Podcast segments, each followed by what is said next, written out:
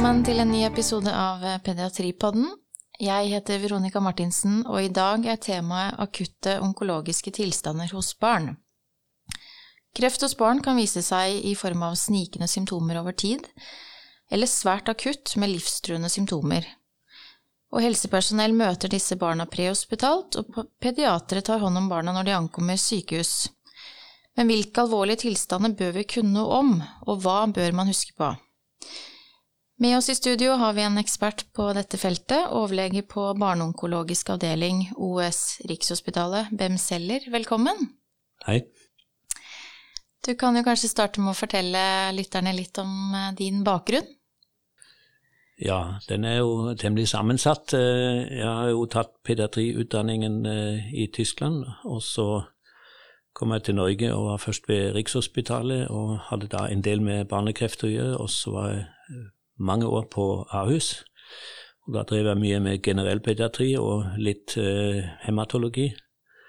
Og så siden 2001, altså de, røftlig de siste 20 årene, har jeg da jobbet eh, på heltid med barneonkologi og hematologi på Rikshospitalet. Mm. Kjempebra. Vi kan jo starte kanskje litt sånn generelt, da. Eh, hvor mange nyoppdagede krefttilfeller hos barn er det man ser hvert år i Norge, og hvilke type kreft er det snakk om? Hvis vi Tradisjonelt har man jo definert barnekreft som opp til 15 år, altså 0 til 14 år. Og da har det vært eh, veldig konstant, 130 til 140 tilfeller i Norge per år. Men nå har vi jo åpnet opp til, eh, opp til eh, 18 år, og da er det lett å huske omtrent 200 nye tilfeller per år i Norge. Mm. Og um, hvilken kreftformer, det er jo det man lett kan huske, huske at det er en tredjedel leukemi, en tredjedel hjernesvulster og en tredjedel eh, solide svulster som en lang rekke små diagnoser, veldig forskjellige diagnoser som alle trenger forskjellig behandling. Mm. Og i dag er jo temaet akutte onkologiske tilstander hos barn. Når er det man bør tenke på dette? Ja, det er jo stort sett eh, for de fleste leger er det jo dette her veldig sjeldent. Og um, det kan jo opptre både i forbindelse med at man mistenker kreft, og kanskje ha en akutt situasjon før man egentlig vet om det er kreft. Uh, det kan være en, en, rimelig farlig og utfordrende situasjon. Mm. Det kan også hende at man vet at det er nyoppdaget kreft. Hva gjør jeg nå? Uh, før den kanskje kommer til en avdeling som steller med sånne ting til daglig. Og så er det jo også for, spesielt for de som jobber på større avdelinger, komplikasjoner under behandlingen. Og det kan være forventede ting, eh, kommer vi tilbake til, f.eks. noe som heter tumorlyse. Og det kan være helt uventede komplikasjoner, som eh, f.eks. farlige infeksjoner som kan komme uventet og mye kraftigere og mer plutselig enn man er vant hos andre barn. Mm. Og um, ja, akutt leukemi er jo Du nevnte den tredjedelsregelen, da. Um, og en av de vanligste kreftformene hos uh, barn. Hvilke tilstander og komplikasjoner er det man skal frykte hos barn med nyoppdaget leukemi og, og lymfom? Det er jo i, i første omgang um, de kan være i ganske dårlig form, ofte er de ikke det, men de kan, være, kan ha alvorlig anemi. De kan ha eh, svært lave blodplater og uh, kan komme inn med blødninger. Og um, de kan også ha spesielle tilstander som man spesielt da ser ved, ved leukemi, som er veldig høye hvite blodlegemer. Det kalles da for hyperleukocytose. Eh, da gjerne om den tilstanden snakker man hvis man har mer enn 100 hvite, og det er mye. Og um, da må man tenke på at disse um, hvite blodlegemer man finner, de er ikke normale. De gjør ikke jobben sin. Sånn at det man har i blodet, er utrolig mange dårlige hvite blodlegemer. Og så har man gjerne for lite av de gode eh, hvite, og både trombositt og, og røde blodlegemer. Mm. Det, det med hyperleukocytose, skal vi holde oss litt til det nå, eller skal vi hoppe til de andre ting man kan uh, få? Vi kan jo gjerne vi kan snakke litt uh, dypere om hyperleukocytose. Ja. Mm. Og uh, hva er problemet med det? Det er egentlig to ting. Det ene er at blodkarene kan rett og slett limes igjen av denne seige massen av hvite blodlegemer. Det kalles for leukostase. altså blodet stopper opp, og det blir da gjerne komplikasjoner enten i lungene, eh, og barna kan hende at de må på respirator. Og det andre er jo at uh, hjerneblodkarene de er jo ømfintlige for det, og da kan det komme til uh, både embolier og, og, blødninger. Så det er egentlig lunge og hjernen som står i fare. Mm. Og hva gjør vi med det? Det første er at man må huske ser man et barn med hvite over 100, så er det øyeblikkelig hjelp. Mm. Og man må sette i gang tiltak, bl.a. hydrering. Man gir mye væske, fordi da fortynner man uh, denne seige massen. Og um, det er egentlig det aller viktigste med, med hydrering. Og så er det også at da skal du få denne pasienten av gårde til et senter som, som kan dette. her. Og det skal du gjøre om, om kvelden, eh, om natten. Eh, vanligvis kan en leukemi vente til dagen etterpå, men akkurat i en sånn situasjon da skal den pasienten av gårde hvis han eller hun er transporterbar. da. Mm. Og eh, det var det ene leukostase, altså blodkarene limes igjen. Mm. Og det andre er eh, noe som heter tumorlysesyndrom. Mm. Det er når man har veldig mange kreftceller i kroppen, eh, og gjerne når man da starter behandling, så vil alle disse cellene eh, samtidig, eller nokså samtidig, gå til grunne og skal skilles ut via nyrene, og så får vi da en kaskade av, av negative ting som skjer, som fører til en nyresvikt mm. hvis man ikke passer på. Og um, tumorlyse kan også være det allerede når du ser pasienten uten at du har starta noe behandling, sånn at den, den har begynt å, å uh, føre til en nyresvikt. Mm. Og også da er den viktigste behandlingen eh, hydrering. Og så eh, har man da disse avfallsprodukter i blodet som man må monitorere. Mm. Urinsyre, fosfat, kalium, nyrefunksjonen generelt. Mm. Sånn at um, Er det sånn man stiller diagnosen? Um, ja.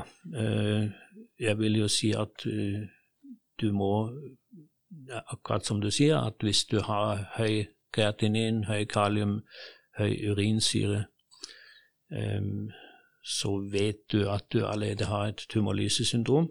Mm. I andre tilfeller gir du en profylaktisk behandling med væske og, og bare monitorerer og håper at uh, dette ikke løp, uh, går feil vei. Mm. Um, en mm. ting som vi også kan nevne allerede her, er jo det med i tillegg til hydrering så må man prøve å gi medikamenter som holder urinsyren lav, eller tar den nesten helt bort. Og i tilfeller hvor vi, hvor vi har et tumorlysesyndrom som er etablert, da gir vi noe som heter fastutek, eller raspirikase. Og det er et enzym som løser opp eh, eller får bort urinsyren. Mm. Eh, og når vi gir det, så, så kan vi ofte forhindre alt som heter tumorlyse.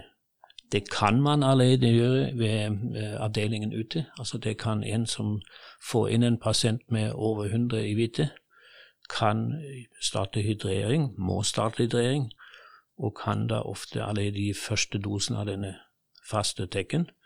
Eh, og dermed kan, eh, er det allerede gjort de to viktigste tingene før transporten. Så det, det er viktig å vite. Mm. Mm. Hvor store mengder væske er det snakk om?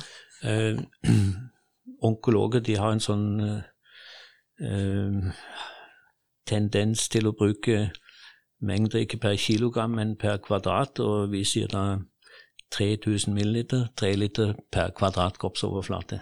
Og Det er egentlig lett å huske 3 liter per kvadrat. Mm. Men ved et etablert tumorlysesyndrom, da kan man gå 50% opp, altså til opptil 4,5 liter.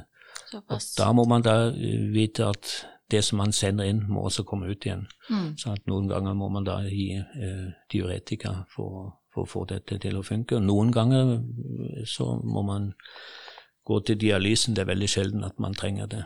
Mm. Så nevnte du i starten eh, at man ved hyperleukocytose, da så har man jo veldig mange celler som ikke fungerer optimalt, og man har gjerne anemi og trombocytopeni i tillegg. Eh, når er det aktuelt at man skal transfundere disse barna, da? Mm. Det er veldig flott at du spør akkurat det her, fordi at eh, vanligvis eh, når vi behandler barnekreftpasienter, så har vi jo en sånn grense på 7,580 i HB, eh, at vi transfunderer. Eh, og det kan man også gjøre i starten ved en mistenkt leukemi. Da bør man ha tatt eh, en sånn immunstatus, virusantistoffer, på forhånd. Men eh, eh, når det gjelder hyperleukocytose, da har vi allerede en situasjon hvor vi har seigblod, og da vil vi unngå å tilføre enda mer sag. Mm. Sånn at eh, da skal man, eh, hvis man må transfundere, ta små mengder. Og eh, gjerne bare opptil en HB på 6 til 7. Eh, man, man skal ikke pøse på med blod her, fordi da gjør man vondt verre. Så, men i andre tilfeller hvor du har lave hvite blodlegemer, da kan du transfundere i starten opp til en 7-8 i hvert fall Mm. um, uten å, å, å gi for mye. Blodplater de kan man tilføre også ved høye eh, hvite, så den, de eh, gjør ikke noe med viskositeten. Så det, Uh, I hvert fall hvis det er blødninger, så skal man tilføre blodplater nesten uansett uh, komposittverdi. Mm. Nettopp. Og um, noen av disse barna har kanskje feber også som uh, Ja. debutsymptom, eller som gjør Godt- at de kommer til til lege. poeng også at ved en, ved nyoppdaget leukemi så vil man ofte starte med bredspektrede antibiotika med en gang. Hvis de har feber, så gjør man det. Mm. Har de ikke feber, så kan man eventuelt også vente. Eh, ved en pasient med hyperleukocytose hvor man har mange problemer å stri med samtidig, da, da vil jeg alltid ha gjort eh, gitt bredspektrede antibiotika fra starten av. Fordi man, man har ikke råd til å få ett problem eh, til. Mm. Mm. Uh, hørt eh, om noe som heter eh, Jeg husker fra studiet om tumor i mediastinum, altså mediastinal tumor. Eh, er det noe man ser ofte ved leukemi og lymfom? Um, ja, det er også en av de, de viktige akutte tingene som alle kan møte i, uansett hvor de jobber hen. Um, det er sånn at uh, leukemier det har en tendens til å uh, komme med uh, lymfeglandelhevelse, ofte på halsen, i lyskene, andre steder. Men de kan også få uh, ganske store lymfeglandler i mediastinum. Og det skjer ved leukemier, eh, spesielt noe som heter T-celleleukemier. Men eh, det er kanskje enda mer typisk ved lymfome, Mm. og da også spesielt ved noe som heter T-cellelymfom. Mm. Og eh, disse voks, vokser egentlig ganske uforstyrret, ingen, ingen skjønner at de er det, inntil barnet får respirasjonsproblemer og kan få stridår. Og den, i og med de ellers ofte ikke er veldig syke, så tror man at de har astma, og eh, behandler det. Og så får man fort problemer, fordi når den svulsten først er blitt så stor at den trykker på luftveiene, fordi det er jo det som skjer, Mm. enten på trakea eller bronka eller eh, begge deler. Og når de først får respirasjonssymptomer, så er, er begynner det å bli veldig farlig. Mm. Og da Det er kanskje den isolert sett verste øyeblikkelig hjelpssituasjonen som en eh, barneonkolog kan tenke seg. Mm. Fordi eh, dette er jo barn som du kan intubere, men da står du ovenfor eh, den, det trange partiet. Mm. Og um, det fins, det verserer alltid historier av gamle, erfarne onkologer som har opplevd at et barn har dødd på bordet ved innkomsten fordi man ikke har klart å intubere eller gjøre noe med dem, og fordi man kanskje har gjort uh, ting som ikke var optimalt, f.eks. å uh, nærmest tvinge dem å ligge flat. Det bør de ikke, mm. de må sitte opp, selvfølgelig. Mm. Dette ligger i fremre mediastinum, og når de legger seg bakover, så trykker det ekstra på luftveiene. Mm. De skal settes opp, de skal beroliges, de skal i utgangspunkt ikke få noen narkose. Eh, ikke sedativa hvis mulig, hvis de kan roe seg uten. Og eh, hvis man har en pasient med symptomer og, og mediastinaltumor, så skal en umiddelbart med blålys eh, til en avdeling som kan dette her. Og mm. hvis mulig ikke intubert. Noen ganger er det nødvendig å intubere og overtrykksventilere. En sånn transport skal også gjøres med anestesiteam, helst anestesilege. da. Mm. Det har vært borti en pasient som ble sendt i drosje, og det var ingen god idé. Oi. Det gikk bra, men uh, det bør man aldri gjøre. uh, og sånn å uh, sette de i privatbil og sende til sykehuset er heller ikke noen god idé. Nei. Sånn at her, her, har man en, en veldig farlig situasjon, mm. og på sykehuset er det ofte sånn at man ikke tør engang å ta en finholdsbiopsi eller noe. Så noen ganger så starter man bare med steroider, mm. som oftest hjelper mot dette her. Og lar det gå en dag eller noe sånt før man da skynder seg og prøver å stille en riktig diagnose. Akkurat. Eh, sånn at um, her er det virkelig viktig at man, at man er forsiktig, og at man prøver å få disse pasienter på, et, til et sted som, som, kan det. Men selv de kommer til å være dritnervøse når den pasienten kommer. Mm. Eh, det er alltid ubehagelig å få de inn. Ja. Mm. Kan det gi andre symptomer enn fra sentrale luftveier? Um, den uh, svulsten som sitter med et diastylum, kan også trykke på uh, de store blodkarene. Mm. Og noen ganger er det sånn at man får inn en pasient med struttende halsvener. Og øh, ikke så mye respiratoriske symptomer, det forekommer. Men det er også farlig fordi at det påvirker hele sirkulasjonen. og eh, Tilbakeflow til hjertet blir, blir dårlig, og, og det er, men det er egentlig to sider av samme sak. Mm. Ja, bra.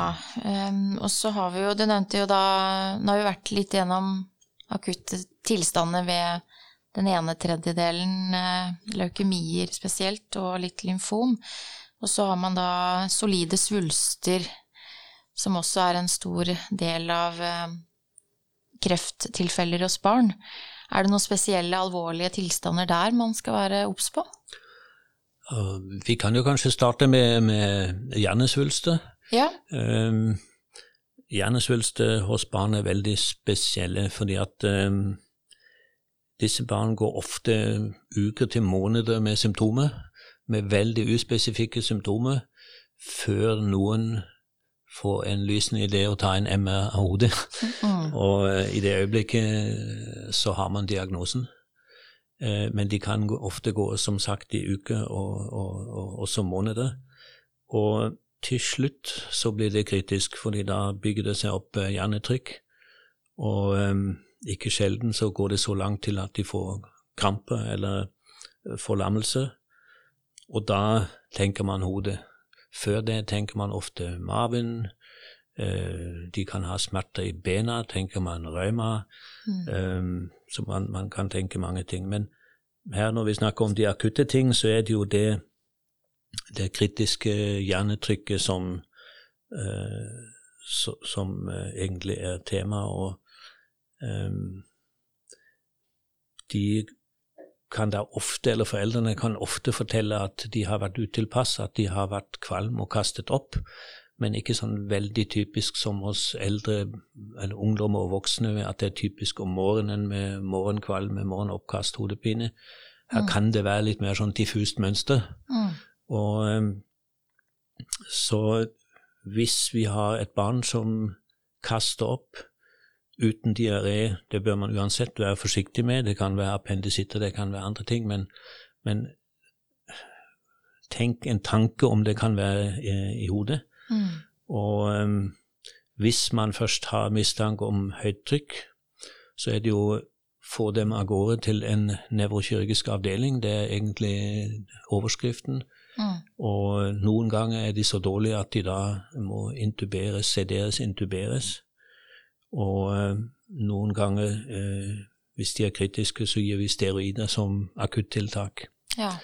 Det har et sånt lite apropos som, som jeg etter hvert har brent meg noen ganger på når man uh, prøver å finne dem i akuttveilederen, det- de med hjernetrykk, så står det ikke under onkologi, eh, men under nevrologi. Og da står det kritisk hjernetrykk og de tingene, og det står veldig fint der. Mm. Det står helt nederst står det at eh, steroider de, de, de står liksom lengst nede på listen, men det står ved, ved, ved svulster. Så er steroider på sin plass, og da er det vanligvis dexamethason da man, man gir. Mm. Eh, ellers er, det jo, er de dårlige, så må de intuberes og med, med en sånn hevet overkropp og eh, monitorering av hjernetrykk osv. Men eh, her kan man vinne mye med å tenke tanken kan det sitte i hodet, Mm. eh, og så kanskje unngå å havne der at de kommer til slutt inn med kramper, fordi da smelles det alltid av noen bilder, eh, men da er man ofte veldig sent ute. Mm. Mm. Og så eh, kan man jo ha svulster andre steder enn i hodet, som kan skape problemer. Ja. Vi har jo ehm, mange svulster de kan eh, vokse uforstyrret og bli ganske svære. um, selv i hjernen, hvis de sitter i storhjernen, men um, også andre steder. Men uh, noe som er lumsk ved barnesvulst, er at de, de vokser stort sett raskt, mye raskere enn voksenkreft. Og eh, et sånt typisk sted som også kan bli kritisk, er jo når noe vokser rundt spinalkanalen Mm. og kan gi deg en truende tverrsnitt eller tverrsnitt. Og um, i og med at dette her går ganske fort, så, så, så kan det komme nærmest som første symptom. Og um, jeg husker et lite barn som kom inn med noe med ryggsmerter smerte i bena. og det er veldig vanskelig å bedømme sånne små barn, men eh, etter hvert så skjønte man jo at det også var blære- og rektumparese. Da, og Ah, og da, da var det altså en, en svulst som, som vokste i spinalkanalen. oi. Det var da en, eh, en bløtdelssarkom, men eh, ellers så kan det skje også ved lymfome, at det gir trykk på spinalkanalen, og, Mm. og også ved nevroblastom, som er en sånn litt eh, rar barnesvulst som vokser i de sympatiske gangler langs kolumna. Mm. Og de har en sånn eh, tilbøyelighet til å vokse inn i foramina eh, og gå inn i spinalkanalen. Mm. Og eh, da kan det komme til kritiske situasjoner.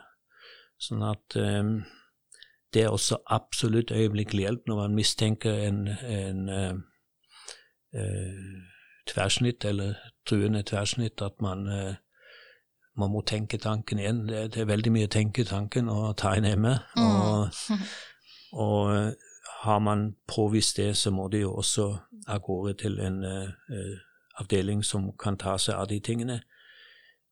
Hva gjør man der? Det, det er heller ikke alltid lett å vite. Det er også noe man gruer seg til som lege.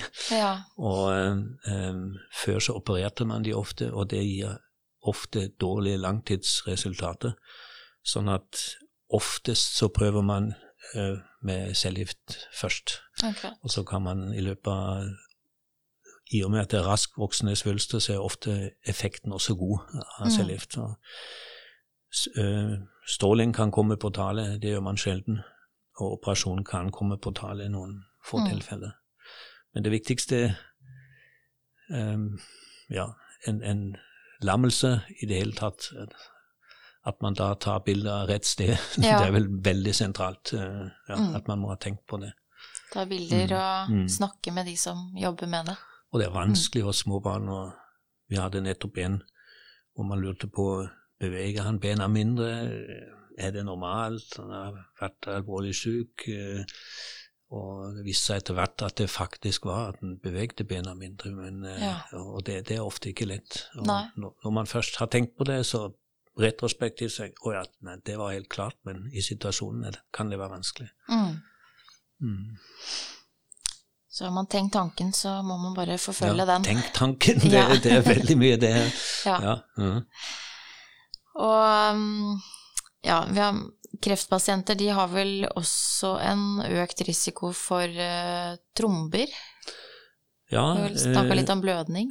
Ja, tromber og blødninger, de ehm, Det er to situasjoner. Det ene er i, i starten, rundt diagnosetidspunktet. Da er det spesielt ved noen leukemiformer. Um, og det er også en av de grunnene hvorfor man, man sier at leukemiene vil man ha overflyttet i løpet av et døgn, selv om de virker relativt fredelige. Og det er fordi at uh, spesielt ved myologene leukemier, som er jo sjeldnere, men der finnes det former som, som på en måte produserer en DIC-situasjon, hvor du da har eh, forbruk av plater, og du får en, en eh, Hele koagulasjonssystemet ko- kommer ut av laget, og du kan få både trombe og, og blødninger. Mm. Og, så det kan være eh, i starten av en leukemi, og det er farlig fordi at de kan få hjerneblødninger. De kan få blødninger fra f.eks. For forsøk å legge, legge inn sentrale venekatetre. Ja. Og, ehm, men de kan også få, få tromber. Sånn at i starten av en leukemibehandling er det viktig å ha tatt en sånn DIC-status, og eh, noen ganger gir man da eh, oktaplass eh, for å mot, motvirke dette her, noen ganger antitrombin 3. Mm. Så, så det er den ene situasjonen. Den andre er under for de som jobber ved, ved avdelinger som har kreftbarn, og det er jo etter hvert ganske mange avdelinger i Norge som tar seg av behandlingen. De kan jo stadig komme borti situasjoner hvor man har lave blodplater. Mm. Da har vi vanligvis en sånn grense at hvis barnet er, har det fint, og vi har kun lave blodplater og ingen infeksjon, ingen blødning, så har vi en grense på under ti. Da skal du gi en transfusjon av plate. Mm. Ved feber øhm, skal du gi hvis de er under 20. Og øhm, hvis de har blødninger, så skal du gi plater uansett. Ja. Eh, nærmest da skal det ikke skjele så mye på platetallet. Mm. Um, så det fins en situasjon til under behandlingen som er spesiell, og som man bør vite om. Det er vel ved behandling av ALL, som er den vanligste leukemiformen. Da gir man noe som heter asparaginase, som er et enzym som virker veldig godt mot leukemi, men som har to bivirkninger. Den ene er at det kan gi eh, embolier og trombe. Mm. Eh, og det har forekommet også alvorlige tromboser, trombose, sinustrombose. Det er altså aspergenase, og det er for alle som får en ALL-behandling, så det okay. må man ha i bakhodet. Og eh, når vi først er inne på aspergenasen, så kan jeg også nevne at det også gir pankreatitter. Ja.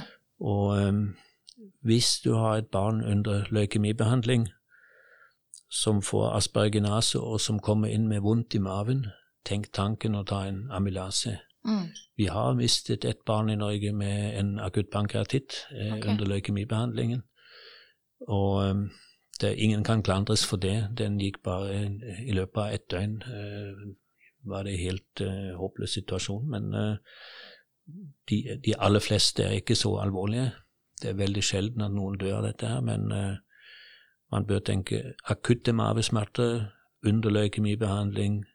Tenk det der med, med pankreatitt og, og ta Mm. en amylase, en lipase. Så det er igjen tenk tanken. Ja. Oft, oftest er det ikke det. Ikke sant. Ja. Men det kan det være. Ja. Jeg tenkte um, i forhold til spinalpunksjon, der er det vel også viktig å huske på trombocytter og Ja. Eh, helt riktig. Eh, koagulasjonsstatus eh, tar vi jo i starten. Den er vi ikke så opptatt underveis i behandlingen, fordi den vanligvis da ikke er gale. Men blodplater det må vi være veldig forsiktige med. Og vi har i veilederen en offisiell grense at blodplatene må være over 20 eh, ved spinalfunksjoner. Vi har i den internasjonale AML-gruppen hvor jeg sitter, har vi hatt eh, lange diskusjoner, og noen land har 50 som grense, noen har 30 som grense, sånn at jeg sier alltid du må være over 20, men helst høyere, Mm. så for å unngå at man får blødninger. Og Mm. blødninger de kan jo både føre til lammelse og sånne ting, men de kan også i startfasen føre til at uh, leukemiblastene, altså leukemicellene, de går inn i blodbanen fra Eller omvendt fra blodbanen inn i spinalvæsken. Ja, og det er veldig lite ønskelig. Mm. Mm. Um, er det andre mer sjeldne tilstander som vi ikke har vært igjennom, som også Som burde vært nevnt? Ja. Eh, kanskje skal man ha hørt om noe som heter press. Det visste vi knapt nok om hva var for en 10-15 år siden. Ja. Nå er det blitt uh, på moten, for det finnes ikke bare i uh, onkologien, men også ved andre steder. Men hos oss er det da ofte fremkalt av cytostatikabehandling. Kan også komme etter benmargstransplantasjoner.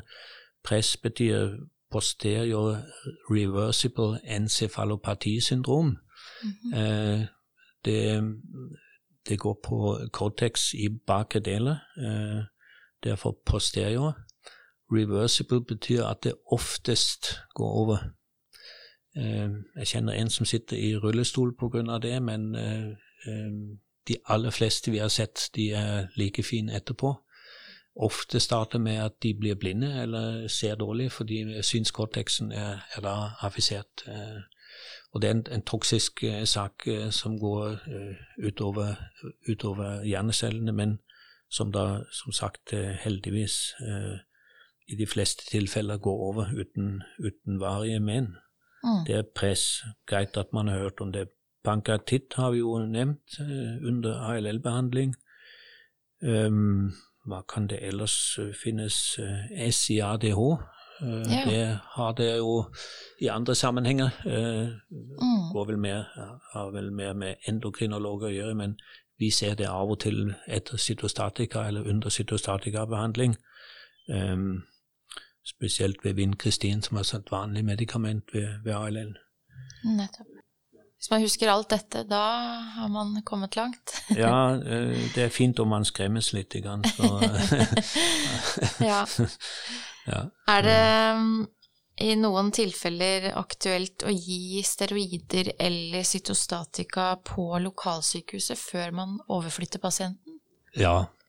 Um, det er veldig viktig at du spør, fordi at uh, et av hovedbudskapene mine her er at jeg har en mistanke om kreft uh, et, ved et lokalsykehus eller mindre sykehus, så um, ta kontakt med barneonkolog eh, i ditt senter umiddelbart, selv om du ikke vet om det stemmer, den mistanken.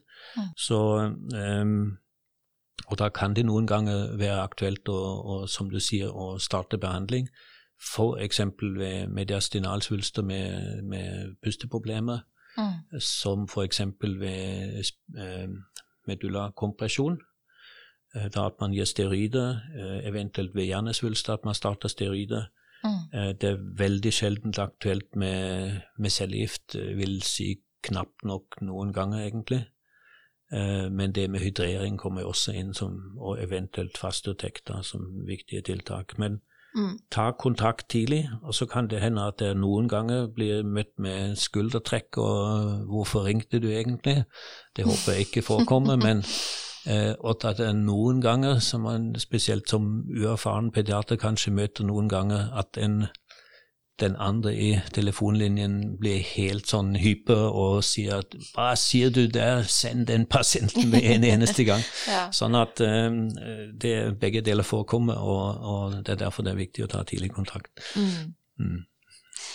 Og ja, mange av disse barna vil jo dukke opp på lokalsykehus hvor man ikke har barneonkologer, da, og da må man jo planlegge transport til nærmeste barneonkologisk senter. Eh, og da er det sikkert lurt å planlegge denne transporten, for mm. mye kan skje, og ja. det kan skje fort, som ja. du sier. Ja, og det er jo i alle eller i flere av de tilfeller vi har nevnt her, hvor, hvor ting kan skje på transporten. og um, nå vil jeg jo si at på omtrent alle avdelinger i Norge er det etter hvert folk som kan ganske mye om, om barnekreft. Det er mm. flott. Det er helt annerledes enn for ti år siden. Og um, jeg syns de er flinke å ta kontakt, og, og, også at man organiserer transporten som, som den skal gå. Ja. Um, I koronatider litt vanskeligere fordi man helst ikke vil bruke fly, men altså må man, så må man det også. Så, mm. Mm. Ja. Bør det alltid være med en lege på en sånn transport? Ikke alltid. Eh, Nei. Det kommer an på symptomer. Altså, eh, hvis det er truende symptomer, respiratoriske osv., så, videre, så så må det være en lege med. Mm. Eh, hvis det er en ukomplisert leukemi må man med lav hvite og sånn Mm. sett eh, kontroll på det meste, så, så er ikke det nødvendig. Nei. Mm. Tusen takk, eh, Bem, for at du kunne komme og lære oss om akutte onkologiske tilstander hos barn. Eh, Klarer du til slutt å nevne tre viktige take home messages som eh, lytterne må sitte igjen med? Ja, det, det kan jeg, ja. Altså, den første eh, tar jeg om igjen, fordi jeg hadde den nettopp. Eh, hvis du mistenker kreft, så må du ta tidlig kontakt med et barneonkologisk senter. Eh, eventuelt hvis du er det, så ta kontakt med din bakvakt, og ikke vent til neste dag. Det var nummer én. Og nummer to er hvis du vet eller mistenker en mediastinaltumor, så skal du være på alerten. Og hvis du i tillegg har respiratoriske symptomer, så skal du for det første bli skitredd, og så skal du gjøre de riktige tingene som jeg har fortalt tidligere nå. Mm. Og så kommer nummer tre. Eh, ved leukemi, mistanke med veldig høye antall hvite, så er dette også en øyeblikkelig hjelpsituasjon som må håndteres der og da med en gang. Mm. Og så tror jeg vi har glemt en, en fjerde ting som vi faktisk ikke har snakket om i det hele tatt, og det er at alle som har feber og er under kreftbehandling, de skal på sykehuset og få bredspektret antibiotika. Mm. Det er veldig viktig. Og blir du ringt opp av en mor midt på natten klokken to, mitt barn er under kreftbehandling og har fått feber, så skal du ikke si Paracet og vi snakkes igjen i morgen, men da skal du si kom inn, vi sjekker blodprøvene, og hvis de nøytrofile er under 0,5, så starter vi umiddelbart med antibiotika. Eh, hvis de er høyere, så kan hende vi starter også, men kan da også hende at vi ser det noe annet. Mm. Men budskap feber ved nøytropeni kan bli farlig, og når du tar dem imot på sykehuset, så starter du antibiotika i løpet av en halvtime eller time, og så passer du på de første timene Mm. eh, at alt går bra, at den ikke utvikler en klinisk eh, sepsis med blodtrykksfall og de tingene.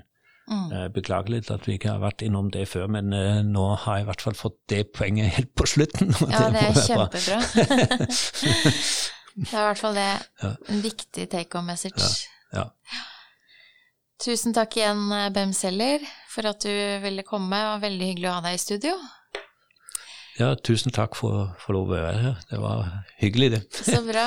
Ja. Og takk til alle dere som hører på Pediatripodden. Jeg heter Veronica Martinsen, og vi høres igjen i neste uke.